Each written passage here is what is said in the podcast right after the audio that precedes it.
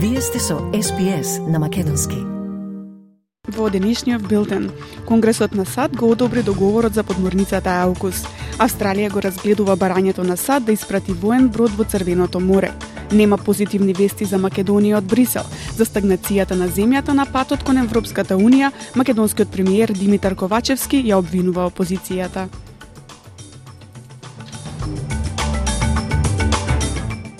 Конгресот на САД официјално го одобри историскиот договор на АУКУ со Австралија. Во представничкиот дом помина законот кој им дозволува на Соединетите држави да продаваат подморници со нуклеарен погот од класа Вирџинија на било која земја.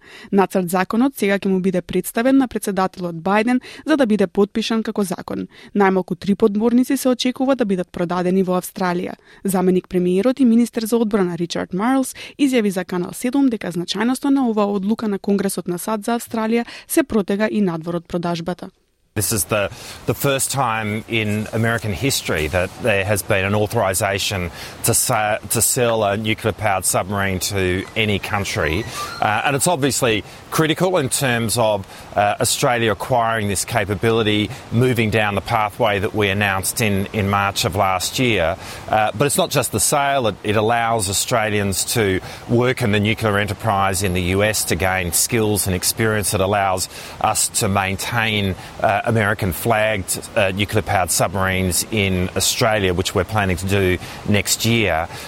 Австралија допрва треба да одлучи дали ќе го исполни барањето на Соединетите држави за испраќање воен брод во Црвеното море во услови на тековните тензии на Блискиот, исток, каде Израел води војна против Хамас во појасот Газа. Барањето дојде од морнарицата на САД, која сака бродот да се приклучи на меѓународната работна група по зголемените напади врз бродови од страна на вооружени групи поддржани од Иран, кои се обидуваат да го спопречат снабдувањето. Појувајќи се на Sunrise, вршителката на должноста лидер на опозицијата Сузан Ли ке бара одговори од лабористичката влада, доколку Австралија не го прифари барањето на САД. Now, this is a serious request from our closest ally. Obviously, the Red Sea is a critical part of the world when it comes to international shipping and international trade. I genuinely want to know if the government is not going to accept this request, then why not? We've just seen the US Congress pass critical com- components of AUKUS, and that underscores the really important geostrategic relationship between ourselves and the US at this critical time. So we should support our closest ally. We should genuinely consider their request. If we're not going to do that, then I want to know why. Милиони австралици ги намалуваат трошоците за живот и многумина оваа година нема да можат да си дозволат дополнителни трошоци за божичните прослави. Повеќе од 5,3 милиони луѓе нема да можат да си дозволат божичен оброк оваа година, а 30 од родителите се загрижени дека нивните деца ќе останат без подароци, покажа истражувањето на Salvation Army.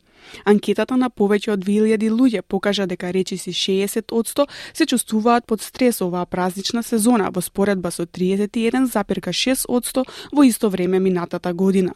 Речи си секој седми родител е загрижен дека нивните деца ќе останат без традиционален божичен оброк и повеќе од 70% од анкетираните луѓе се повеќе внимаваат за тоа колку трошат. Брендан Нутел е главниот офицер во Salvation Army. Тој вели дека многу луѓе за прв пат ќе бараат добротворна поддршка за да го поминат овој Божич. Salvation Army conducted research recently and found that 62% of people this Christmas are saying they're really feeling financially stressed.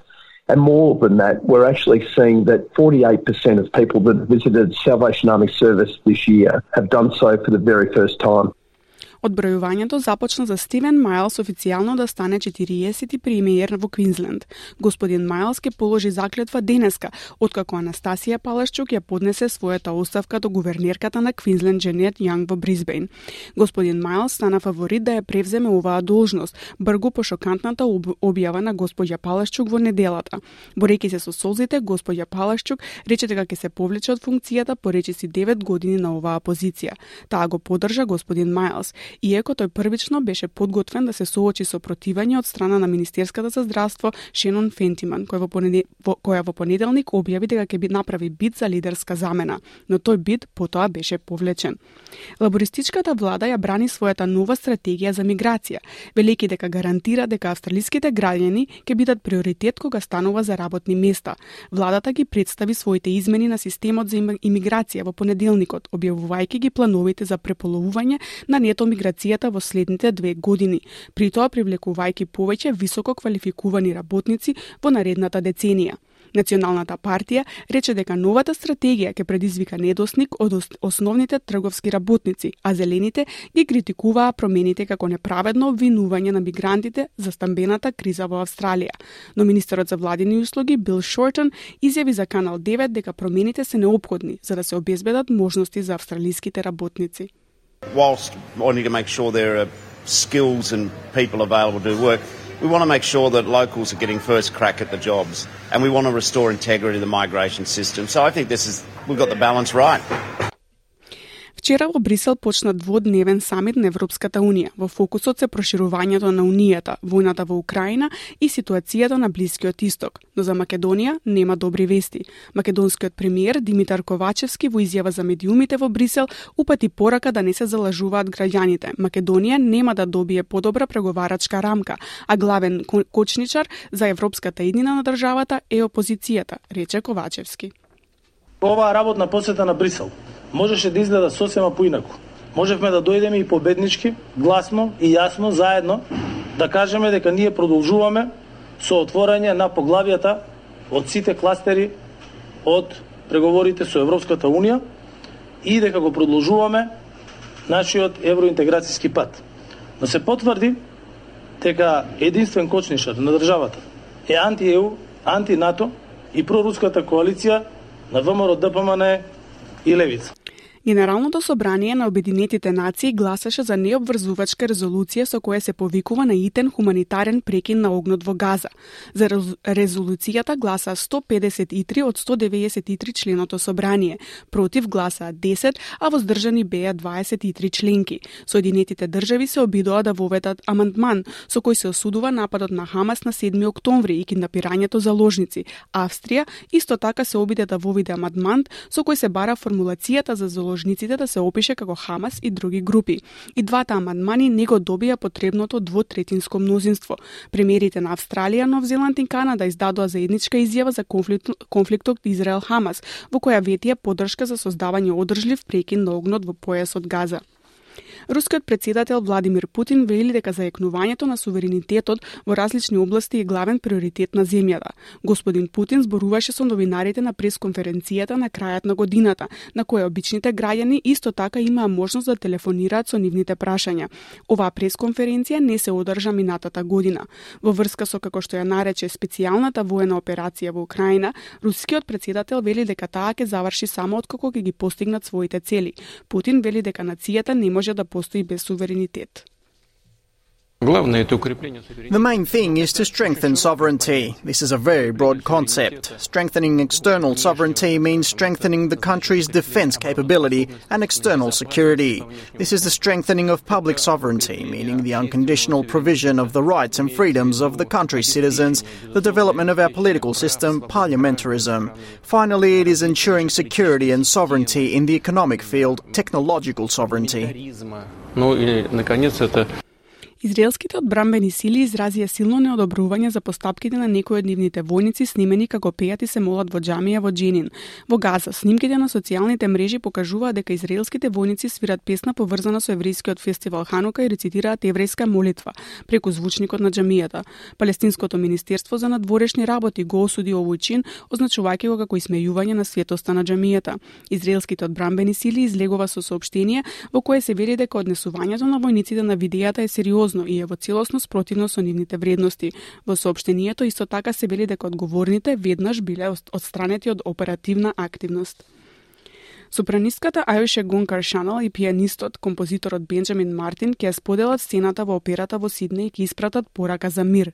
Двајцата пријатели, од кои едниот е муслиман, а другиот евреин, решија да направат концерт со надеж дека нивната музика ќе пренесе порака за единство, умереност и мир. Програмата вклучува ремек дела како што се Шумановата Дихтер Либе и Рафеловата Шехерезада, која го слави патот на свилата и Блискиот исток, како и неговите хебрејски мелодии. Господја Шанал ветува дека публиката ќе доживее нешто вистинско, вистинито и убаво во операта.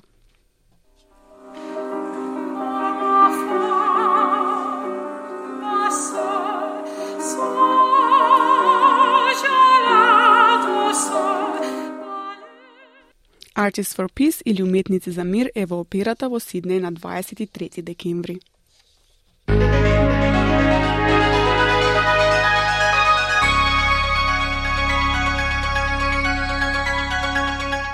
Од најновата курсна листа за денеска, еден австралиски долар се менува за 0,60 евра, 0,65 американски долари и 37,26 македонски денари, додека еден американски долар се менува за 56,62 македонски денари, а едно евро за 61,18 македонски денари. Од временската прогноза за главните градови утре. Перт сончево со температура од 35 степени, Еделајд повремено облачно со максимална температура од 21 степен, Мелбурн облачно температура до 21 степен, а во Хобарт повремени врнежи од дош 18 степени. Во Камбера сончево 27 степени, во Сиднеј сончево исто така со температура од 33 степени, Бризбен повремени врнежи од дош со можност за бура и температура од 35 степени, Дарвин повремени врнежи од дож со можност за бура, исто така 35 степени, а во Али Спрингс разведрување и температура од 39 степени.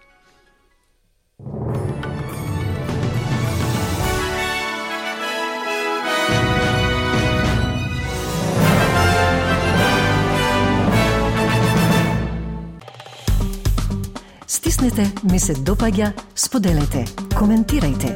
Следете ја SPS на Македонски на Facebook.